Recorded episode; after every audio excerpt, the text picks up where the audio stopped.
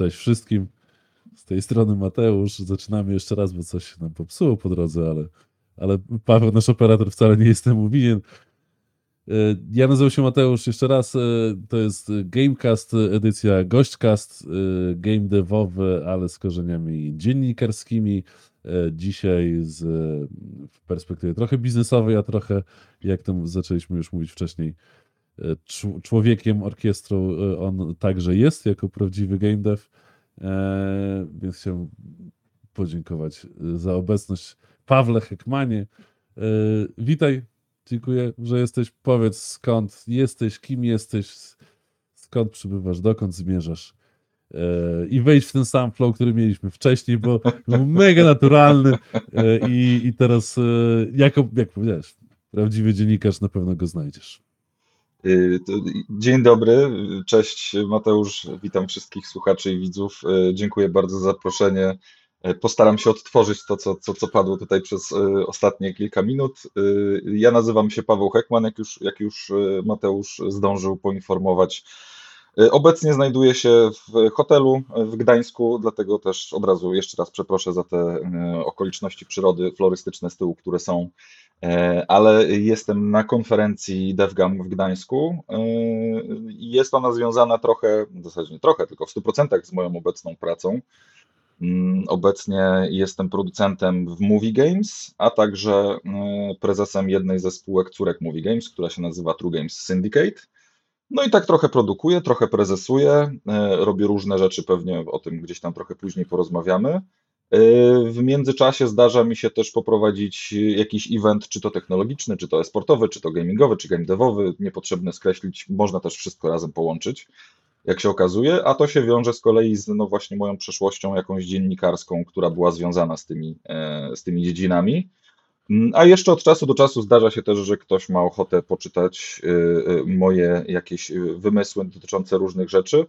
Więc mój tekst pojawia się od czasu do czasu w CD Action, czy to y, w magazynie, czy to na stronie i w Poligami, e, którą miałem e, przyjemność przez dosyć krótki, acz intensywny moment prowadzić i nieco dłużej tam pracować też. To tak w Bardzo. telegraficznym skrócie. bardzo barwna przeszłość i e, tym bardziej, miejmy nadzieję, e, świetlana przyszłość.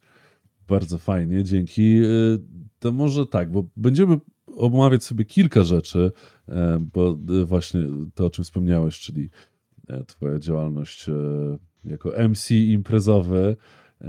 Miałeś ostatnio okazję polidować, poprowadzić taki event, konferencję sportową na IEM-ie.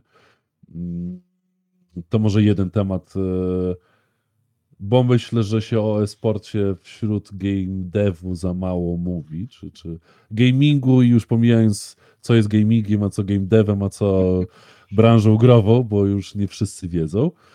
Em, więc chciałbym to troszeczkę poruszyć, a z drugiej strony główny temat to oczywiście to, co pewnie masz na co dzień, czyli b- publisherka, polska publisherka, jaki jest jej stan, gdzie jesteśmy, w którym mniej więcej miejscu, jaka jest jej przyszłość, bo to też myślę, że ciekawy temat, y, absolutnie olbrzymi, tak patrząc perspektywicznie, długoterminowo mm, i to coś, czego nam jeszcze chyba brakuje tak w pełni, e, żeby nazwać się w pełni dojrzałym rynkiem e, gamingowym, tak, tak mi się wydaje, bo mamy oczywiście e, niesamowite sukcesy na koncie, ale jeszcze, jeszcze myślę, do takiego idealnego obrazka troszeczkę nam brakuje.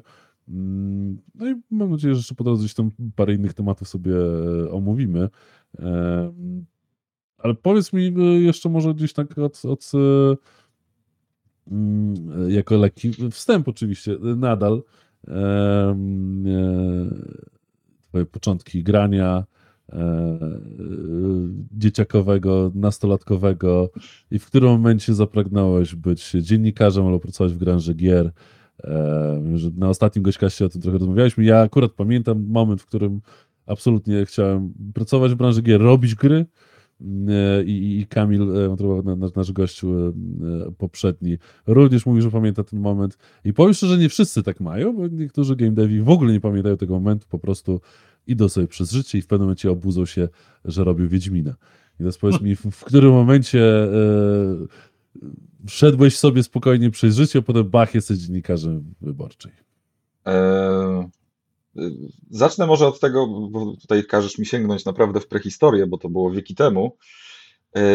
Natomiast u mnie przygoda z grami zaczęła się bardzo wcześnie, bo to były czasy dwutorowo u mnie poszło. Najpierw to było Commodore 64, mm, a zaraz potem dołączył do tego Pegasus, e, czyli nasze złote polskie dziecko Nintendo, e, które nigdy nawet obok Nintendo nie stało, ale jednak e, wyedukowało i wykształciło całą masę zapaleńców gamingowych w Polsce. I to był, to, to był tak naprawdę ten pierwszy, ten pierwszy początek. To Commodore pamiętam tak trochę przez mgłę, bo ja miałem dosłownie kilka lat. E, ale pamiętam wizytę u kolegi i kręcenie śrubokrętem w głowicy, żeby, żeby wszystko działało, bo nie wiem, czy wszyscy pamiętają, że Commodore 64 to były gry na kasetach magnetofonowych. Mm, trzeba było tą kasetę umieścić w odpowiednim e, odtwarzaczu i tam była taka, taki otworek, trzeba było śrubokrętem kręcić, e, żeby wyczyścić głowicę, żeby gra się wczytała. To się raz udawało, raz się nie udawało, to była loteria. To trochę jak w Foreście Gumpie, nigdy nie było wiadomo na co wypadnie mm, w danym momencie gra zwłaszcza jak się miało kilka lat i się nie do końca rozumiało, jak to wszystko działa.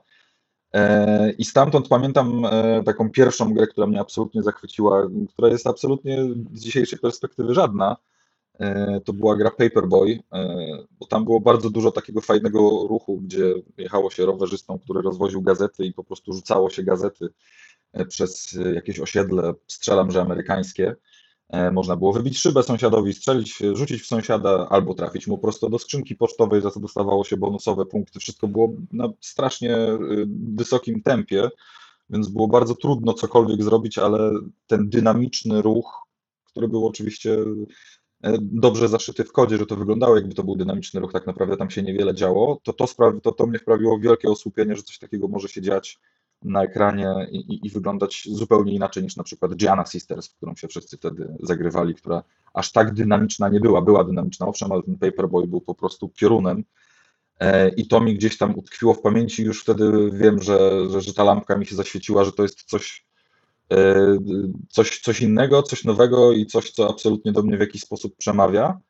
E, a zaraz potem pojawił się w domu Pegasus razem z Super Mario pierwszym, no i ja już wtedy byłem kupiony, ja już wtedy wiedziałem, że ja, ja chcę wiedzieć, jak to się stało, że ten e, smok tam się mm, pojawił, jak to jest, że ten Mario, jak zjada grzybka, to się powiększa, jak to się dzieje, że jak podskoczysz i uderzysz głową w ten klocek, to on się roz, rozwala na drobne kawałki i tak dalej, i tak dalej.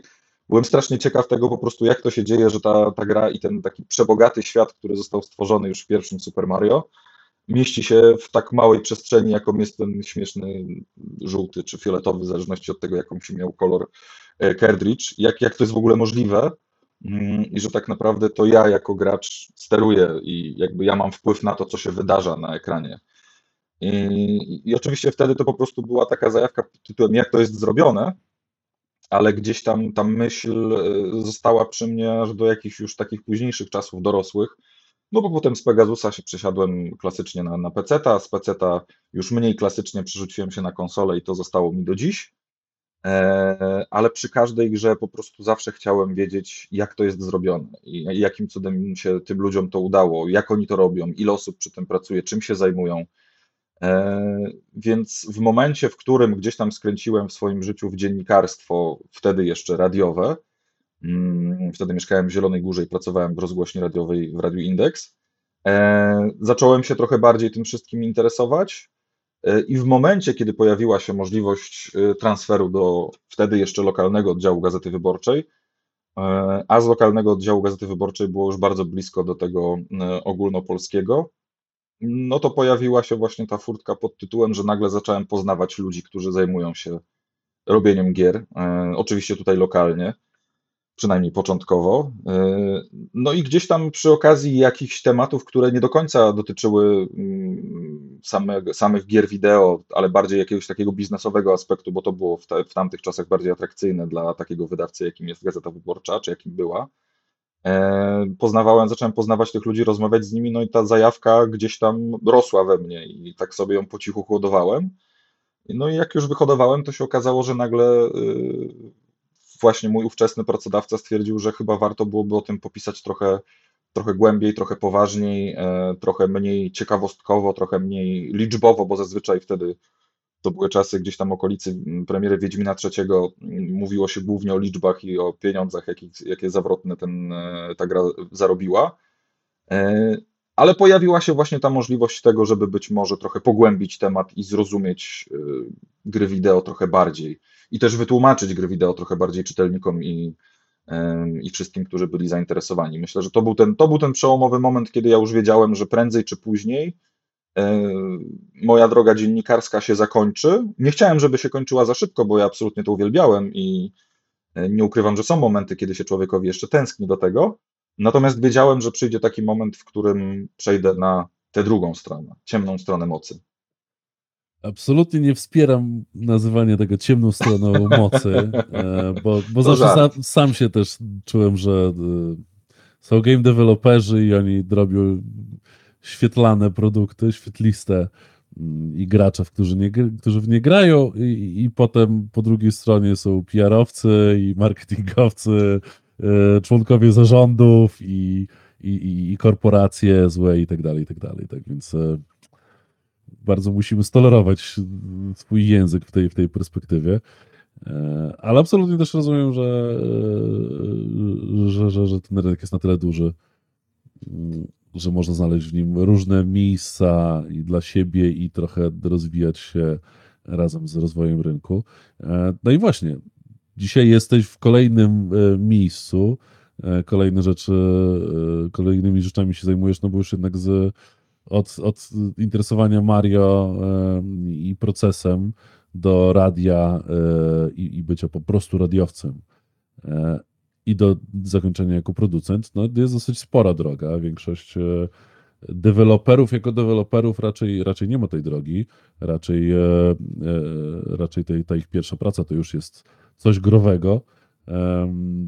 Ja tak naprawdę też nie zaczynałem od, od, od pracy w branży gier, pomimo, że zawsze chciałem ale jesteś w tej szczęśliwym gronie farciarskim, które się no, udało przebić z normalnego świata do świata e, wyjątkowego, gamingowego. Więc powiedz, czym, e, zanim może nie będziemy wracać do, czy, czy wrócimy sobie do esportu za chwilę, ale właśnie przejdźmy gładko do, do tego, czym dzisiaj się zajmujesz. E, na ile to jest fajna robota, czym się zajmujecie jako publisher. No i może taki krótki overview tego, jak widzisz dzisiaj rynek publisherski, tak? I swoją pracę w nim jako takiego trochę człowieka, trochę z zewnątrz, tak? Ale to dające pewną perspektywę, tak? Bo, bo trochę obserwowałeś i komentowałeś ten biznes z zewnątrz, więc teraz masz e, na pewno jednak e, zderzenie trochę poglądowe i na ile mm, jest inaczej niż się spodziewałeś, na ile jest lepiej, na ile jest gorzej, e, blaski i cienie tego możesz nam zdradzić tutaj bez w ogóle żadnych, wiesz, obaw. Nie bój to się. między nami, po... jak rozumiem, tak? tak? Między mną po... a tobą. Poleć na maksa. Zresztą to mówię na ostatnim y, Gośkasie, y, żeśmy troszeczkę z Kamilem o Techlandzie nie, niezbyt y, przyjaźnie, czy może niezbyt super mega pozytywnie się wypowiedzieliśmy, więc to już było pewnym złamaniem branżowego status quo. Więc myślę, że z tobą możemy na spokojnie, szczerze porozmawiać o polskich publisherach, co, co u nich słychać i, i wcale to nie będzie kontrowersyjny temat, którego wcale nie poruszają e, dziennikarze regularnie. Więc to ja może proszę, zacznę... Co to u może... w pracy słychać, w dużym skrócie? Dzisiaj. Zacznę, zacznę, zacznę, może od tego, co powiedziałeś, że trochę jestem farciarzem. E, e, wydaje mi się, że tu się można zgodzić i się nie zgodzić, bo trochę tak, a trochę nie, bo, bo, bo jednak ta wiedza taka e, czysto techniczna, e, czysto deweloperska bardzo by mi się przydała i to jest coś, nad czym pracuję codziennie w zasadzie. E, warto tutaj dodać, że ja do Movie Games dołączyłem no, z, z górką rok temu, gdzieś rok i miesiąc temu mniej więcej. I, I, zaczynałem jakby z tego pułapu właśnie bardziej obserwatora niż, niż partycypanta, jak to się brzydko mówi. E, czy też osoby partycypującej w branży, więc e, to był, to był jakiś taki, to też było w ogóle interesujące, bo zastanawiałem się, kiedy, kiedy mm, pojawiła się oferta, ja zapytałem wprost mojego przyszłego pracodawcę, ale czego wy tak naprawdę ode mnie potrzebujecie? Przecież ja nic nie wiem, ja nie potrafię kodować, ja nie, nie zrobię wam żadnej grafiki, nie mam żadnych umiejętności takich czysto technicznych, bo nigdy mi one nie były potrzebne. Jedyne co potrafię to pisać i gadać. Czasami z sensem, czasami mniej, różnie z tym bywa. Mam jakąś tam, jakieś obserwacje swoje i jakąś optykę, którą próbuję gdzieś tam przekazywać i to jest wszystko. A oni, to... o, tego nam trzeba, właśnie. Dokładnie. I to, I to było to, że oni powiedzieli, ludzi technicznie wyszkolonych to my mamy. Potrzebujemy kogoś, kto spojrzy na branżę trochę innym okiem, trochę z innej perspektywy, trochę oceni ją pod innymi kątami, spojrzy na samą, na produkt końcowy, czyli na grę. E, trochę, trochę z innej perspektywy. Wiadomo, że artysta spojrzy w jeden sposób, programista w drugi sposób. No, brakuje tego trzeciego spojrzenia, które później wypośrodkuje te oba, które sprawią, że dana gra odniesie lub nie odniesie sukcesu. Bo to, Stałeś się po prostu człowiekiem biznesu game devu. Trochę, trochę tak. No, trochę Nie uważasz, tak, że, że nadal jeszcze y, za mało jest ludzi z tej jakby właśnie podbranży naszej branży, bo mi się czasami wydaje, że jak jadę na Gamescom, to tam ci, którzy tam są, to są zawsze praktycznie rzecz biorąc ludzie biznesu game devu, a nie stricte deweloperzy. Deweloperzy to są na, na mniejszych konferencjach i oni tam się spotykają, żeby sobie nawzajem do siebie pogadać, albo na na DevComie, tak, który jest e, tuż przed Gamescom, tam są deweloperzy, ale na Gamescom to jadą ludzie robiący biznes. Nie? Jakby mi się zawsze wydawało, że, że w Polsce tych ludzi e, biznesowych, e, growych jest cały czas mało i, i mało się o, o, pomimo, że się dużo pisało, bo Wiedźmin i tak dalej, i, i inwestorzy i tak dalej, i tak dalej, ale nadal mm, panuje takie ogólne przekonanie, że, że, że, że, że game dev to branża twórców gier, tak? I twórcy gier to tworzą gry, a nie robią biznes na swoich grach. Mm, I się zastanawiam, czy, czy, czy już przełamaliśmy te, te myślenie, e, bo jak sobie spojrzysz na zachód, no to tam, prawda, to trochę bardziej pragmatycznie się do tego podchodzi, tak? Że, że, że jednak biznes to biznes i, i trzeba umieć dobrze go sprzedawać, a nie tylko zrobić dobrą grę. Mm, I się zastanawiam, czy dzisiaj już jesteśmy w tym punkcie przełamania w Polsce. Myślę, że jesteśmy na, na, na takiej granicy, że to się za chwilę faktycznie wydarzy, tym bardziej, że przed branżą dosyć trudny rok, e, więc to się będzie musiało wydarzyć i myślę, że to po prostu organicznie się e, wyewoluuje ten proces. E, bo pamiętajmy, że gier już nie tylko w Polsce, ale no jakby globalnie, no codziennie na Steamie opublikowanych jest setki gier. To jest, to jest, to jest nieprzebrany ocean po prostu rzeczy i produkcji. E, na sukces mogą liczyć tak naprawdę jakieś pojedyncze procenty, jeśli nie no, odsetki tak naprawdę. E, I to jest bardzo trudna branża, więc faktycznie tego biznesu potrzeba, jest potrzeba nieco więcej. Natomiast nie jestem też zwolennikiem jakichś radykalnych kroków w jedną czy w drugą stronę, więc ja bym szukał tutaj jakiejś równowagi, bo oczywiście absolutnym świętym gralem jest e, deweloper, który potrafi z pasją i w fascynujący sposób opowiadać o swojej grze. E, I takich ludzi też nam trzeba, bo wiadomo, biznesmen nam sprzeda produkt i będzie nam nawijał makaron na uszy tak jak tylko potrafi, będzie się uwijał po prostu jak tylko umie, żeby, żebyśmy my finalnie jego produkt kupili. Mm, I to jest jedna strona, i oczywiście ona jest bardzo istotna. Natomiast z drugiej strony, jeżeli mamy właśnie artystę, który wsadził całą głowę i serce w ten projekt i potrafi o nim opowiadać, to to jest absolutny strzał w dziesiątkę. I taki duet dobrany, to to jest taki ideał, które mi się marzy, że, żeby, żeby po prostu tak, zabrać tak, tylko, twórcę i, i... Tak, tylko no, wiesz, jakby w branży y, twardej, tam nie wiem, załóżmy, w Białymstoku jest branża metalowa dosyć, dosyć silna, tak? Jakby mm. oni wiedzą, że są ludzie, którzy y, znają się na produkcie, na obróbce metali, robią robotę, ale tam nadal musi być dział salesowy, który to wszystko sprzedaje i, i też robi swoją robotę. A czasami mi się wydaje, że, że, że jeszcze w, w game devie, zwłaszcza tym polskim czy wschodnim, tak to nazwijmy, e, jeszcze buduję przekonanie, że, że, że dobra gra się sama obroni, nikt tam nie musi jej sprzedawać e, i, i publishować, to tam też różnie, ale no jakby publisher jest inwestorem, a nie, e, a nie, a nie publisherem publishującym, bo to dwie różne rzeczy, nie? bo często rozmawiamy z deweloperami i, i rozmawiamy o PR-ze i tak dalej i cały czas słyszę, i to z różnych stron, nie tylko z Polski, ale też gdzieś tam po prostu z Europy, od studiów, że oni publishera traktują jako inwestora, a nie e, i często używają tego pojęcia naprzemiennie. Tak? Nie mówią, że publisher nam pomoże ją wydać.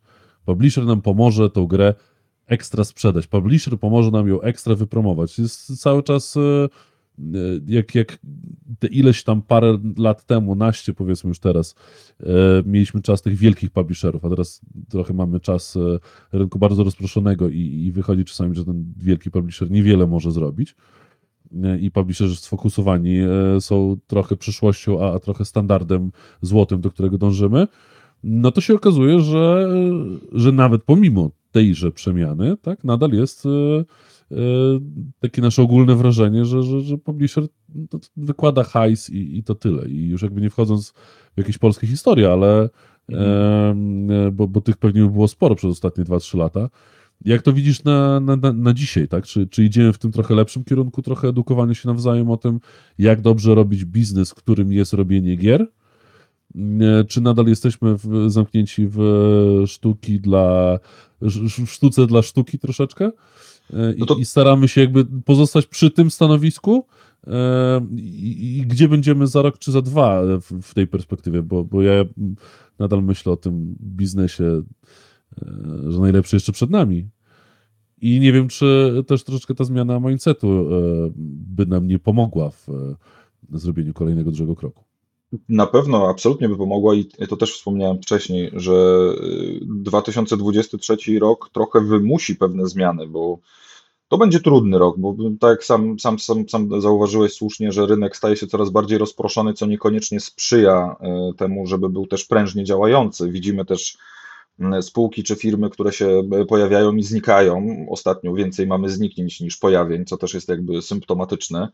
E, Widzimy jakichś większych graczy, którzy robią u siebie różne porządki i tak dalej, i tak dalej, i tak dalej. To też pokazuje, że trochę ten, ten rynek się zmienia. Widzimy mniejszych twórców, którzy właśnie szukają swojego szczęścia gdzieś u większego wydawcy, ale takiego świadomego, który, który wie tak naprawdę i rozumie, e, czym jest produkt i wie, jak go sprzedać. Nie tylko chce go sprzedać, ale wie, jak go sprzedać, i jest jakiś taki mm, ciąg przyczynowo-skutkowy w tym, że OK, tutaj są pieniądze i my wam to sprzedamy, a jest też y, jakaś logika w tym, w jaki sposób chcemy tę grę sprzedać, co chcemy przez nią pokazać. To nie jest już tylko produktowa wymiana, e, tylko jest też jakaś taka wymiana myślowa, przynajmniej taką mam nadzieję.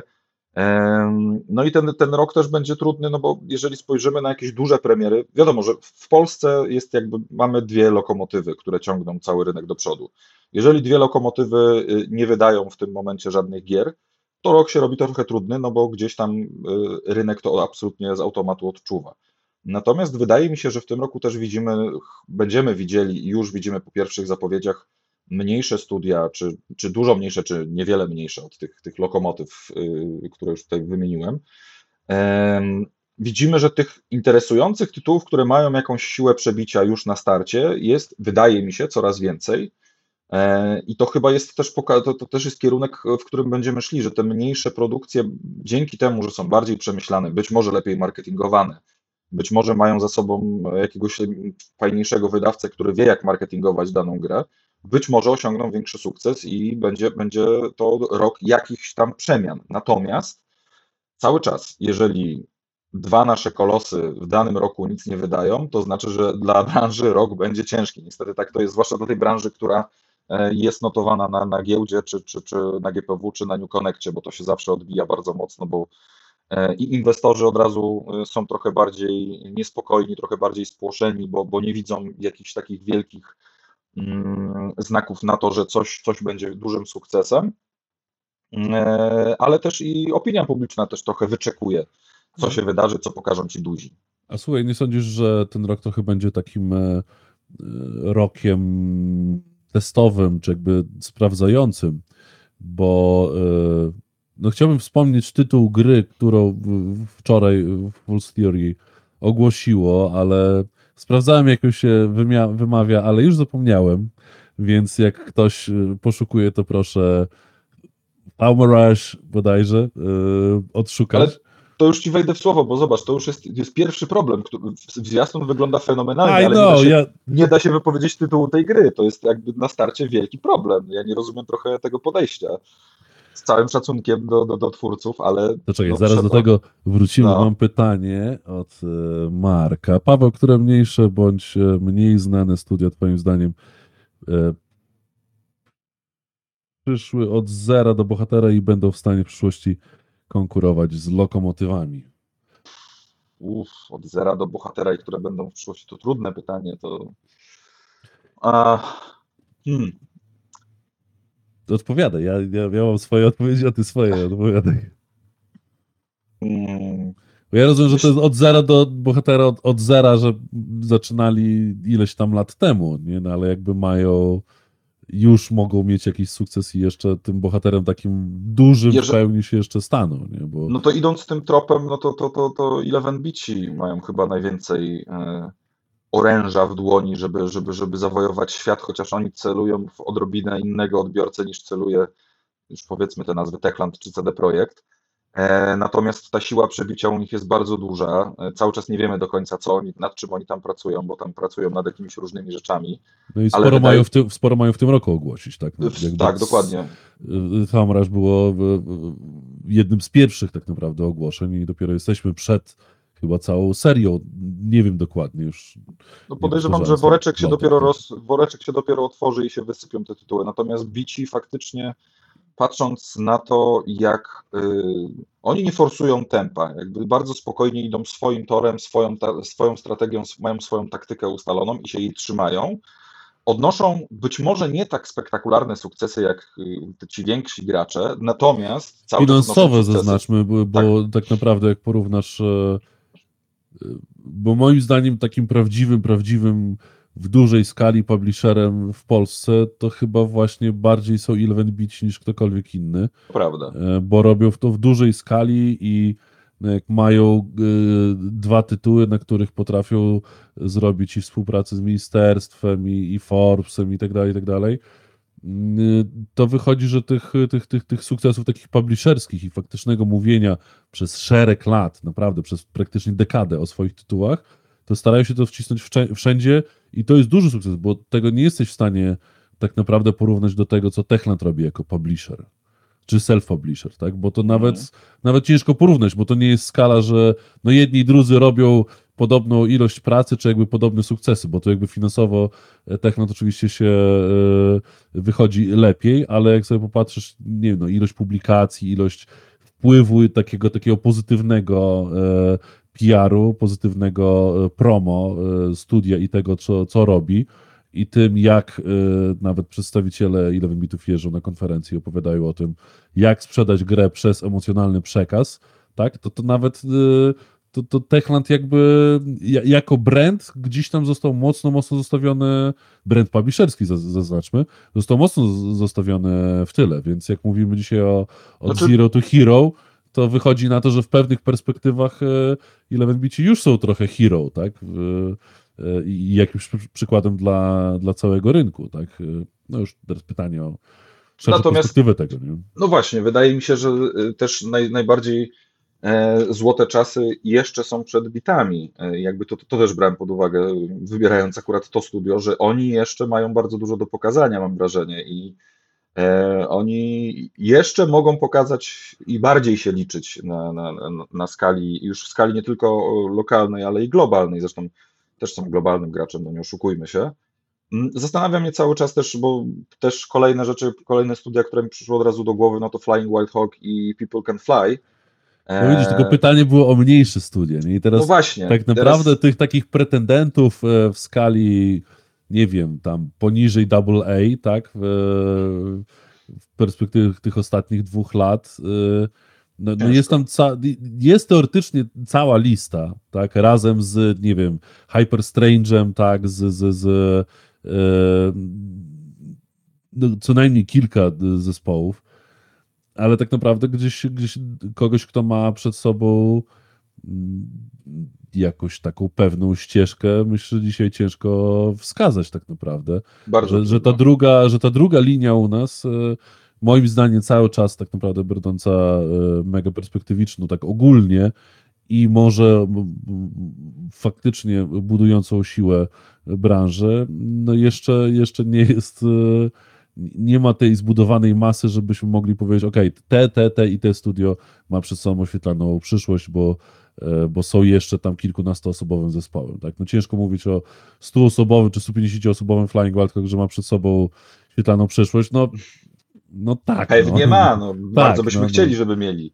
E, Bardzo tego im życzymy. tak, ale, ale studia, w których pracuje po kilka, kilkanaście osób i, i, i sprzedały tam po kilkadziesiąt tysięcy kopii, jest ich kilka w Polsce, ale żebym powiedzieć, że, że, że któreś e, e, ma przed sobą gwarantowaną e, przyszłość, to trochę byłoby odważne stwierdzenie, moim zdaniem. Pytanie też, czy oni koniecznie chcą, bo są też tacy twórcy, którym wygodnie jest w tej lidze, w której grają. Oni wygodnie się w niej czują i wcale nie mają też jakichś takich ciągot do tego, żeby zostać nagle graczem z tej najwyższej ligi. Tam jest im dobrze, oni się dobrze czują na tym rynku, potrafią się w nim poruszać, zarabiają pieniądze, ludzie są zadowoleni, więc dlaczego nie? To też jest, tym bardziej jest to trudne tak naprawdę, żeby, żeby przewidywać tutaj taką przyszłość kto połasi się o to, żeby wystartować do tej pierwszej ligi, bo to nie są proste rzeczy, ani tanie rzeczy. No właśnie, to może też e, dlatego, e, Marku, odpowiedź na twoje pytanie jest e, kłopotliwa, bo może w gamingu nie trzeba iść na tą skalę AAA-ową i, i robić go do wora, żeby robić dobre, fajne rzeczy. I, Wszyscy by chcieli i, oczywiście, ale... Tak, ale jak jest się, wiesz, też Adrianem Chmielarzem, to można sobie grę robić przez tam 5 czy 7 lat i, i pewnie się sprzeda po prostu dobrze i będzie, i, i ta gra zarobi na, na, na, wszystkich robiących tą grę i, i na ich kolejny tytuł i, i będąc, można w tej branży być e, też średnim albo nawet małym deweloperem i sobie spokojnie, fajnie żyć, funkcjonować, tworzyć i, i mieć z tego pieniądze no ponadprzeciętne załóżmy, tak, bo bo miałem, że nawet sama yy, sama produkcja, yy, który to piąty rok, tak? Mhm. Yy, idzie chyba, tak? U chyba tak, no. tak, no to jeśli zarobili faktycznie na, na, na Itanii Carterze na 5 lat produkcji nowej gry, na swoje własne wypłaty i bo tam, prawda, kilka osób u nich funkcjonuje w astronautach, to, to naprawdę szapoba, tak. To, to, to, to jest duży sukces. Myślę, że E, większy niż jakaś tam fajna sprzedaż, bo, bo nawet utrzymać taką e, swoistość, ale też spójność e, firmy przez tyle lat, że okej, okay, tu odkładamy pieniądze i nie wydajemy na głupoty, tylko robimy mm. grę. Myślę, że to też jest jakby część do, do edukacyjna. Wszystkim by się pewnie przydało mieć taką wytrwałość budżetową. Trwałość budżetowa, ładne, ładne słowo, muszę sobie zapisać. Ładne określenie. Yy, tak, czasami coś wymyślamy. Yy, no Marek już wspominał o Anshar Studios, bo no, oczywiście yy, i, no. i Game Deck, i, ale też znowu, no Anshare nie, nie są małym studiem, tak, tam pracuje. Te, no właśnie, znów musielibyśmy... To, czy tam 70-80 osób i, i czy Game Deck wyszedł w ten czy inny sposób, to musielibyśmy doprecyzować, drogi Marku, tak. co masz na myśli mówiąc małe studio, bo to jest, to, to by nam pomogło, aczkolwiek i tak odpowiedź będzie bardzo trudna, jeśli nawet nie wiem, tak. czy możliwa do, do, do, do wypowiedzenia.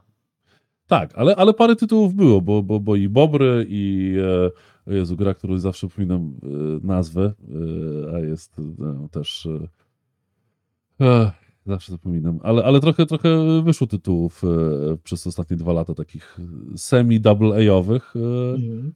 e, i, i, całkiem nawet zrobił roboty, więc wiem, że może w tym roku zobaczymy jakieś przełamanie albo przynajmniej jakieś światełko dalej w tunelu, gdzie, gdzie ci wszyscy... I oby, I oby to nie był pociąg w tym tunelu. Tak, tak. No, no zobaczymy, no bo teoretycznie nie będzie żadnych wielkich tam e, premier. No mamy też, e, będziemy mieli e, Star Wardzi też w końcu mają się zwodować, tak, to też chyba będzie troszeczkę test dla nas wszystkich, jak tego typu mega ambitna gra.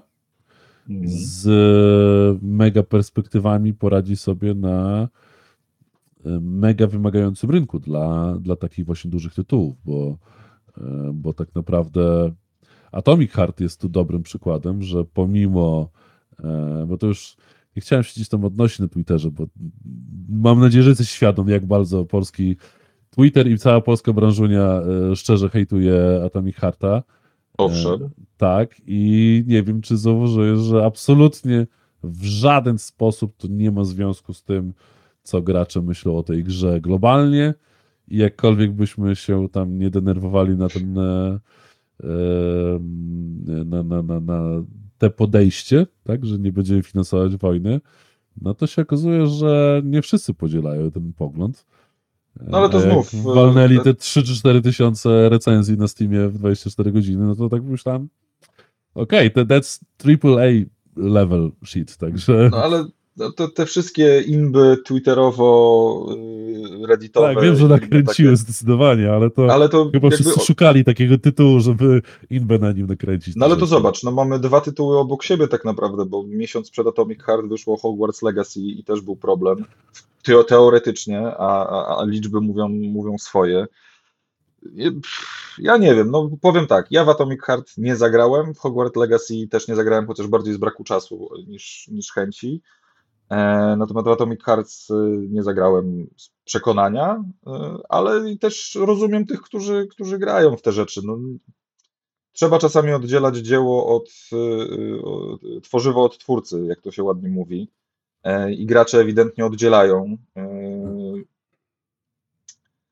trzeba to pozostawić swojemu sumieniu na koniec dnia po prostu. Czy się z tym dobrze czujesz, czy się z tym źle czujesz. Jeżeli się dobrze z tym czujesz, no okej, okay, no ja nie jestem daleki od oceniania a już jestem absolutnie naj, naj, najdalej, jak tylko potrafię, od y, brania udziału w takich imbach. Chętnie poczytam, pośmieję się, zjem popcorn i przejdę dalej do porządków no, dziennych. Mnie trochę zdziwiło jakby spora różnica w tym dyskursie, tak, bo jednak e, iluś zagranicznych youtuberów po prostu pograło w tą grę i mówi, ok, to jest po prostu bardzo solidna strzelanka, która ma fajne koncepty, że ma swoje problemy, tak? I technicznej, i momentami jest nudnawa, tak? Ale ogólnie jak na, jak na, jak na po prostu strzelankę, do których, co do, do których mamy jako społeczność pewne oczekiwanie, że muszą być solidne, to to jest solidny shooter z, z e, gdzieś tam added value, tak? I, i, i gra się przyjemnie, okej, okay, 8,5 czy tam 9, no dobra, no i te tam parę pewnie milionów kopii się ostatecznie sprzeda, tak? Z Hogwarts Legacy jest troszeczkę inaczej, bo to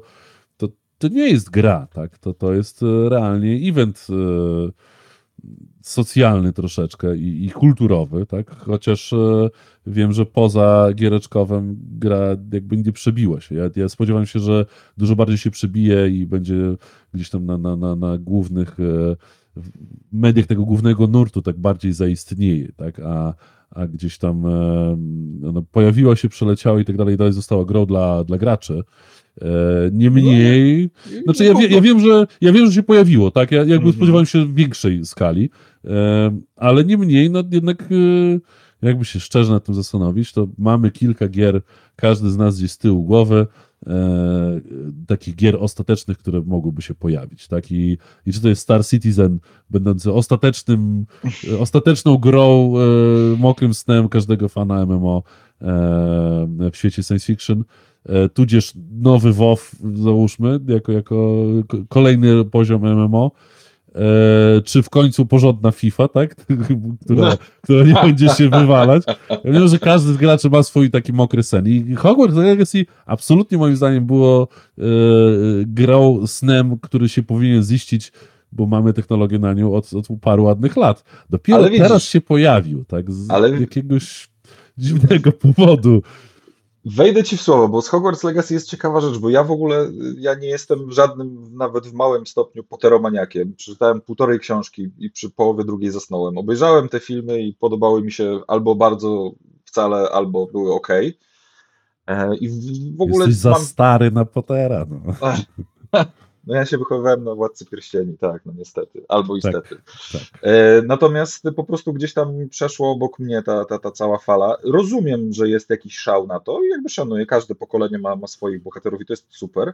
Natomiast mnie ta gra po prostu ciekawi. E, ona mnie ciekawi właśnie z tego punktu widzenia, czy nie będąc poteromaniakiem, czy ja się załapię na ten hype train cały, czy ja wsiądę w ten pociąg i też będę szalał i będę się dobrze bawił, I rozmawiałem z wieloma osobami, które, bo chyba wszyscy grają w tego, albo grali na którymś etapie w Hogwarts Legacy.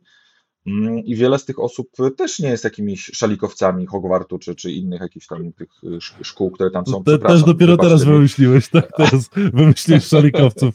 Okej, okay, tak. dobrze, rzucimy to e, TikToka, niech będzie. I, e, i, I ci, którzy nie są szalikowcami, mówią, że to jest po prostu fajna gra, że to jest fajna, przygodowa gra e, z dużym, dużym światem. Trochę Ubi gra, a ja mam jakąś miętę do Ubi gier, w sensie lubię te otwarte światy i 2 miliardy aktywności, potrafię z nich spędzić, z nich spędzić mnóstwo czasu, więc do mnie Hogwarts Legacy jakoś po prostu bardziej przemawia niż, niż Atomic Heart. I tyle. Ale przyznasz, że dobry początek e, roku ogólnie mamy. Bardzo. E, z grami, ale, ale też w perspektywie tego, że poleciały inby, a jednocześnie miliony sprzedaży, to, to też bardzo, bardzo przyjemnie, nie? No, ja jestem ciekaw, jakie inby będą przy Diablo 4. Tam, tam to jestem ciekaw, co się będzie działo. Gdzie, gdzie jeszcze raz? Przy Diablo 4, tam jestem ciekaw, co się będzie działo. Czy jeszcze ludzie chcą grać w gry Blizzarda, czy już nie chcą grać No właśnie, ja, ja jest, mam bardzo, bardzo zdystansowane stanowisko, tak bym powiedział, e, bo, bo nie wiem, czy dzisiejsze dzieciaki, dziesięciolatki jarają się Diablo. Okay. I chciałbym, żeby ktoś mi odpowiedział na to pytanie, tak? Bo ja wiem, co działo się, jeśli dobrze pamiętasz, w roku 2000, jak wychodziło Diablo Pamiętam. 2, tak? To był absolutny szał, szok, bo przez 4 lata powstawało milion gier y, podobnych do Diablo i Diablo podobnych i cały gatunek powstał i tak dalej, i tak dalej. Wszyscy na to mega czekali. I to nadal gra, y, która ukazała się w też bardzo y, ciasnym okresie, tak, bo i Quake trójka, i, i Unreal Tournament, i, i StarCraft i tak dalej, i tak dalej. Diablo dwójka wyszło, pokazało zęby, z, ustanowiło standard, jak się robi cinematiki, jak się robi story e, do gry hack and slashowej e, i, i jednocześnie każdy dzieciak musiał zagrać w Diablo wówczas. Czy dzisiaj każdy dzieciak myśli o tym, żeby zagrać w nowe Diablo? Albo nawet co drugi dzieciak grający? Odpowiem przewrotnie. Wydaje, że... Odpowiem przewrotnie. Nie, nie, Prawdopodob... nie dzieci. Prawdopodobnie nie, ale prawie każdy 30-parolatek będzie chciał zagrać, a dzisiejszy 30-parolatek ma pieniądze na to, żeby sobie kupić tę grę e, i żeby poświęcić czas, więc i tu znów, to jest, to jest bardzo dobre pytanie pod kątem tego, jak targetować daną grę i wydaje mi się, że Diablo 4 nie jest grą dla nastolatków. Być może dla niektórych owszem, ale jest grą no, dla nas, dla takich boomerów branżowych już trochę jednak, bo młodzież nam W końcu żeśmy się dorobili obecności branżowej i rynkowej. W końcu jesteśmy targetem. Dokładnie, jesteśmy targetem i wydaje mi się, że Blizzard właśnie celuje jednak, wracając do korzeni serii, zapomnijmy już o trójce i przemilczmy ją, wraca do korzeni Raczej serii. przemilczmy ostatni trailer, bo to nie wiem, o co tam w nim chodziło. Okej, okay, to też, to swoją drogą, ale wydaje mi się, że jednak Blizzard... O co chodziło, że koleś siedzi w jaskini? To, to, już to cały trailer? I zjedzono mu konia? O wow! Parę, przepraszam Blizzard, ale that was enough. Ja za bardzo się wychowałem na cinematikach, żeby nie wiedzieć, o co chodzi w waszym trailerze. No. Widzę, widzę, że czułą nutę traciłem. Ej, no bo nie wiem, kiedy się wygadać z kim. No, ja żaden, rozumiem, żaden już nie chce tego słuchać słuchać. Ja to wszystko doskonale rozumiem. Natomiast wydaje mi się, że Diablo y, przy odpowiednim targetowaniu może odnieść sukces właśnie y, targetując swój produkt na 30, 30 plus tą grupę y, odbiorców, która się różni tym od nastolatków, że po prostu stać ich na te gry. Nie? Co w 2000 roku sam przyznasz nie było też normą, bo niech pierwszy rzuci kamieniem ten, który miał, który miał piracką wersję Diablo, no, a który miał oryginalną. Nie, nie musimy mówić. Nie, nie będziemy się oceniać za grzechy przeszłości. Dokładnie. Oddajemy teraz twórcom pieniądze kupując gry na Gogu, także wiesz, wszystko jest, jest ok. E, dobrze, dziękuję Ci bardzo za ten, za ten segment, e, bo zostało nam w sumie niewiele czasu, Ty się tam troszeczkę śpieszysz na spotkankach. Chciałem jeszcze poruszyć ten e, fragment Twojej sportowej kariery, tak to nazwijmy. bo ją z, z, zacząłeś szumnie tą karierę, więc chciałem to poruszyć, bo troszeczkę się dziwiłem, że, że, że, że, prowadziłeś. Z drugiej strony jakby dobra twarz na dobrym miejscu, to, to jakby okej, okay. ale, ale ja powiem szczerze, znowuż no troszeczkę nie bawiąc się w, w, w branżowe delikatności, byłem no trochę zawiedziony IEM-em jako eventem. Trochę mhm. jestem e, e, smutny z powodu tego, że polski esport e, e nie jest już taki jak kiedyś, e, jakkolwiek, cokolwiek to nie znaczy. Ale absolutnie zastanawiam się, e, jaką ty masz opinię o tym, jako trochę outsider w tym temacie, bo chyba sportowcem mhm. nigdy stricte nie byłeś, ale tutaj miałeś okazję poprowadzić poważną konferencję w poważnych tematach, w bardzo poważnym momencie dla e-sportu. e, polskiego i globalnego, bo, bo, bo jest w momencie jakiegoś tam e, trochę niezauważalnego, ale absolutnie wielkiego kryzysu, bo jeśli Face Clan będący e, fabryką pieniędzy jeszcze jakiś czas temu e, ogłasza coraz, że e, to nie jest, że mają problemy, tylko realnie nie bardzo wiedzą, ile jeszcze mogą pofunkcjonować i, mają straty na e, i cashflowowe, i na giełdzie, i tak dalej, i tak dalej. I ogólnie problemy, i to nie tylko oni, i ten kryzys się ciągnie któryś tam rok. Więc powiedz mi, jak to było e, prowadzić tego typu konferencje na temat branży, która, jak się dobrze jej przyjrzysz, jest w głębokim kryzysie, delikatnie Do- mówiąc. Dobrze, dobrze, że określiłeś mnie outsiderem, bo absolutnie takim się czuję. E, To, to nie jest moje naturalne środowisko. Um, to, co nauczyła mnie praca, e, czy to w Gazecie Wyborczej, czy w Wirtualnej Polsce, kiedy, kiedy jeszcze pisałem, mm, to kiedy dostawałem jakiś tam temat, czy, czy sam dochodziłem do jakiegoś tematu i chciałem po prostu o nim napisać i szedłem do redaktora, albo redaktor przychodził do mnie i mówi, słuchaj, napisz to i to. Ja wychodzi, nigdy nie wychodziłem z założenia, że ja czegoś nie wiem albo czegoś nie rozumiem, tylko się nauczę i się dowiem. Więc mo, moja praca jako dziennikarza polegała na otaczaniu się y, szeregiem ekspertów, którzy mi wytłumaczą różne punkty widzenia na daną branżę. I w taki sposób ja później starałem się wytłumaczyć tę branżę swoim czytelnikom. I tak też było z e-sportem, w którym ja nigdy nie ukrywałem, że jakoś mocno, że, że, że mocno nigdy nie siedziałem, nie śledziłem rozgrywek. Yy, nie do końca rozumiem, dlaczego jeszcze ludzie grają w Counter Strike'a, kiedy można grać w inne rzeczy, ale to jakby W końcu głos rozsądku. W końcu. to jest ryzykowne hasło, ale, ale trudno, niech będzie. Na, nadal topka e, Steama, tak? Absolutnie, absolutnie. To jest dla mnie rzecz niezrozumiała, natomiast tak się Za, dzieje. I zapamiętaj, że na trzecim miejscu jest cały czas Apex Legends. For No some no- reason. No That's- właśnie. Tam jest rzeczy- jakiś powód ku temu, nie? Więc No i ja tego, ja tego powodu nie rozumiem, nigdy nie zrozumiem, starałem się, e, natomiast e, chyba nikt do końca nie potrafi odpowiedzieć na to pytanie. To jest jakiś po prostu ewenement i fenomen. E, I też w taki sposób podchodziłem do tego e-sportu. Ja widziałem e-sport zawsze w dwojaki sposób. Jedną stroną, czy w trojaki w zasadzie. Jedną stroną jest to, jak wygląda scena LoLa, która absolutnie dobrze sobie radzi, która jest prężnie działająca i dzięki temu też, że wokół League of Legends nabudowuje się jeszcze dodatkowe rzeczy typu serial Netflixowy, czy teraz serial animowany na Amazonie. Tego jest cała, cała, cała masa. Nabudowuje się absolutna wielka franczyza, wielka marka, która jedna noga podpiera drugą nogę i, i stoją twardo na tych czterech nogach, czy, czy więcej, w zależności od tego, jak skonstruujemy sobie ten stół metaforyczny. Mm, Z drugiej strony mamy esport, który widziałem e, na Bliskonie, gdzie widziałem rozgrywki Overwatcha esportowe. I to jest rzecz, która cały czas mnie fascynuje, dlaczego to nie zostało zaszczepione na grunt innych gier, bo tam były rozgrywki narodowe, tam były reprezentacje krajów, które razem się ze sobą walczyły na arenach. I tam było czuć właśnie to, co czuć też podczas innych sportów narodowych, czy to zostawmy piłkę nożną, bo wiadomo, to jest topowy sport, czy koszykówka, czy cokolwiek, ale chociażby skoki narciarskie. Kibicujemy na, naszym zawodnikom, a nie komuś tam. Jeżeli są mm, organizowane w naszym kraju, to się mobilizujemy, żeby przyjechać i tam tego Żyłę, Stocha i Kubackiego wspierać, czy kiedyś Małysza. I to samo widziałem e, w, na Bliskonie w Anaheim, gdzie przyjeżdżały, przyjeżdżali kibice z całego świata, w szalikach, w koszulkach y, i, i celebrowali każdą dobrą zagrywkę. Tam czuć było po prostu, no właśnie tą kibicowską, ki- kibicowski entuzjazm, kibicowską energię. Fantastycznie się to obserwowało, pomimo tego, że w overwatchowych rozgrywkach ja widzę jeszcze mniej niż w CS-owych, bo to jest wszystko tak szybko, że ja po prostu nie nadążam. Tu znów y, moje boomerstwo się odzywa. No i jest ta trzecia strona właśnie Counter-Strike'owa i znów Wchodzę do, byłem parę razy już, kilka razy na, na, na IEM. Wchodzę do spotka, siadam tam.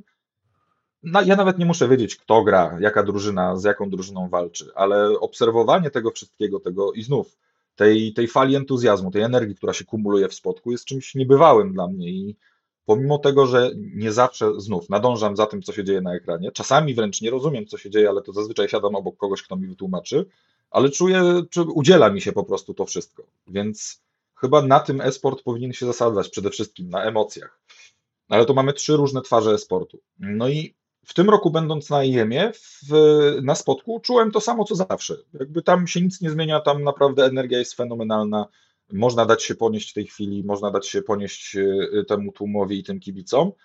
Natomiast widać było, no chociażby po hali Expo, gdzie no troszeczkę przetrzebiło e, i jakby ludzi było mniej, stoisk było mniej, dzięki czemu mieliśmy trochę więcej możliwości oglądania e, rozgrywek, bo była osobna scena StarCraftowa, była e, osobna scena kobieca, za co w ogóle wielkie brawa i szapoba, że w końcu też dziewczyny mogą, mogą pokazać swoje skille. Mm, czekam, kiedy ktoś się odważy na drużyny mieszane, bo wydaje mi się, że akurat w tej dyscyplinie sprawdziłoby Są się to tam teraz zaczęły być jakieś podejścia pod to, także, także myślę, że przyjdzie na to czas. Tak. Trzymam, trzymam kciuki i między innymi też o tym na panelu, na panelach dyskusyjnych rozmawialiśmy, e, które miałem okazję moderować. E, O tym, jakiego rodzaju wsparcie potrzebne jest kobietom na, na scenie sportowej i właśnie, że może wypadałoby już poważnie pomyśleć o tym, żeby robić tak zwane miksy, że być może nie w każdym sporcie, zwłaszcza fizycznym, to się ma, ma prawo y, sprawdzić, no bo wynika to po prostu z różnic jakichś tam, tak jak mówię, fizycznych. Natomiast we sporcie wydaje mi się, że to mogłoby wypalić fenomenalnie i jestem wielkim fanem i kibicem tego pomysłu i będę wspierał jak tylko będę mógł. Natomiast, kończąc moją przydługą wypowiedź, y, Którą? to, Którą? to, na czym się głównie skupialiśmy podczas e, tych paneli, mieliśmy ekspertów, którzy pracują blisko Parlamentu Europejskiego i pracują nad ustanowieniem różnych legislacji związanych ze sportem, bo to jest też problem, który, który toczy e-sport. Każda, każda federacja trochę, każdy sobie rzepkę skrobie, każdy działa trochę na własnym podwórku, e, a jednak jesteśmy w Unii Europejskiej i wypadałoby to jakoś wszystko ujednolicić, co być może pomogłoby e-sportowi trochę się właśnie jednocześnie umiędzynarodowić, a jednocześnie y, stworzyć wspólną platformę, na której moglibyśmy coś razem zrobić. Bo wydaje mi się, że to rozproszenie jest największym, największym problemem e- e-sportu. No, ja ci powiem z doświadczenia, wiem, że y, e-sport się bardzo bronił przed y, właśnie gdzieś tam wchodzeniem w buty, nie wiem, FIFA, czy, czy, czy po prostu gdzieś tam organizacji e, międzynarodowych, państwowych, trochę gdzieś tam e, podejścia były pod, pod olimpiadę, e, ale jednocześnie jakby zawsze było, że nie, nie, my, my sobie sami poradzimy z ustaleniem tego rynku, jakby z uporządkowaniem go i, i będzie ok. Tak? Co doprowadziło do sytuacji, w której no, no myślę, że możemy sobie tutaj otwarcie powiedzieć, tak? Największymi, największym problemem e, globalnego e-sportu nie są fani, czy pieniądze, czy, czy cokolwiek innego, tylko są duzi publisherzy, dla których e, i, i w ich interesie długoterminowo nie leży, żeby ktoś miał jakąkolwiek kontrolę nad grą, więc y, cały rozwój platformy i danej dyscypliny zależy od tego, kto gdzieś tam korporacyjnie dobrze zrobi albo źle zrobi y, i w pewnym momencie y, dyscyplina znika i Overwatch umiera esportowo, bo w Blizzardzie wybuchło parę afer y, finansowo-mobbingowych i tak dalej, i tak dalej. Tak, Więc Tak, jakby- warto dodać, że ja, ja na tym blisko nie byłem lata temu, kiedy jeszcze nie było wiadomo, że jest tak źle.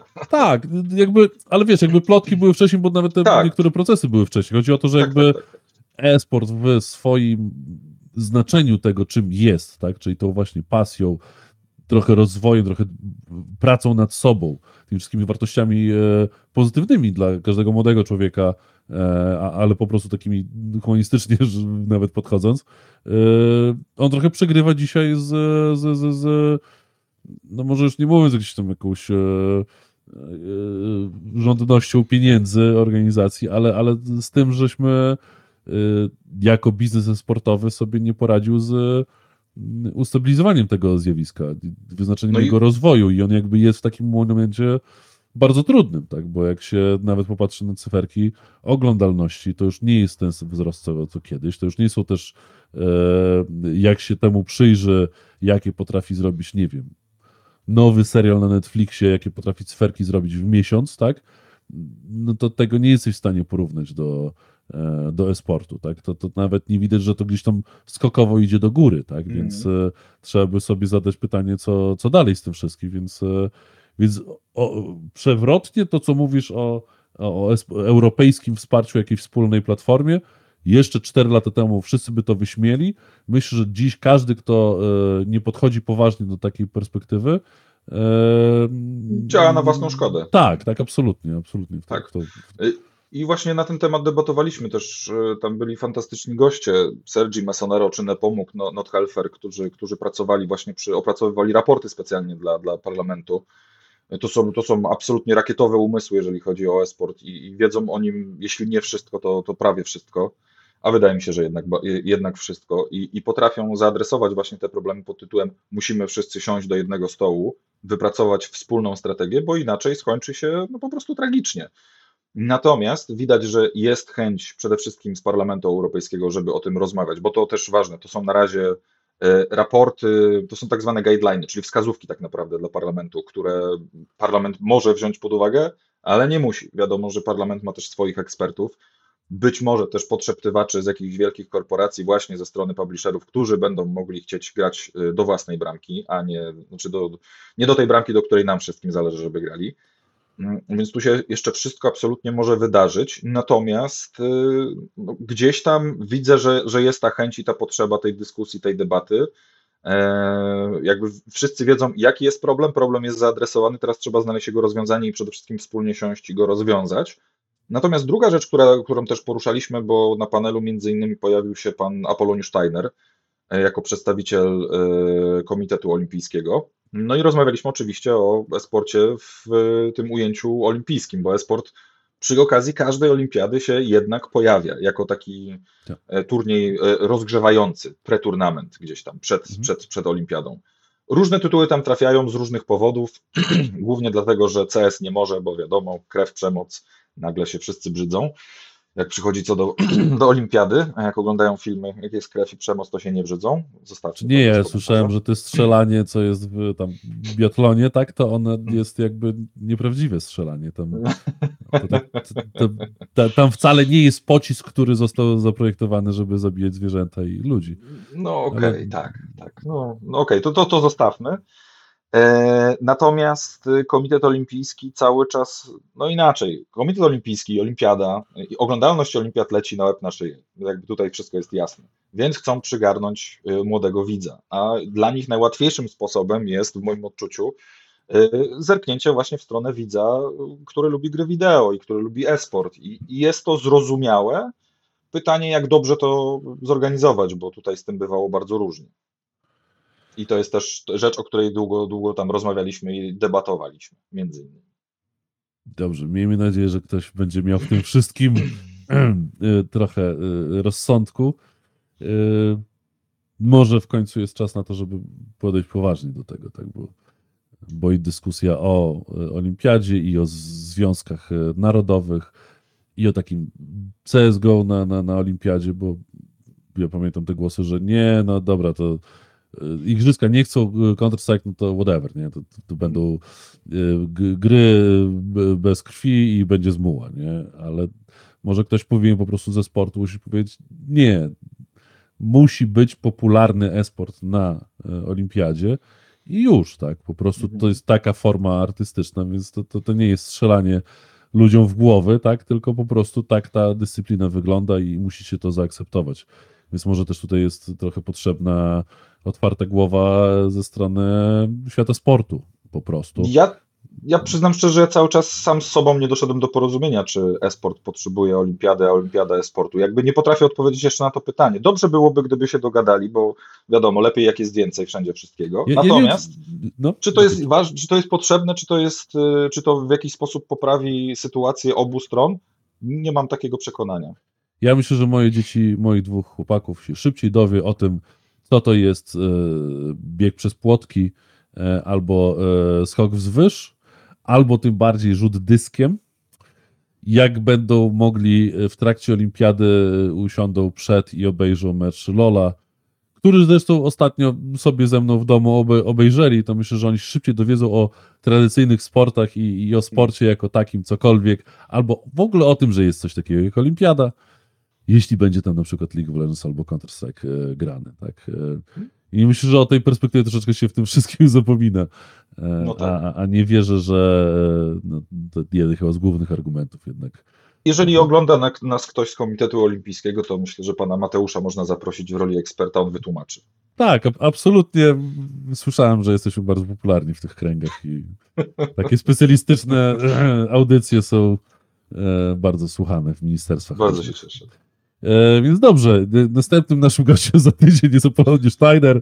E, zapraszamy e, na, porozmawiamy sobie trochę też o, o giereczkach.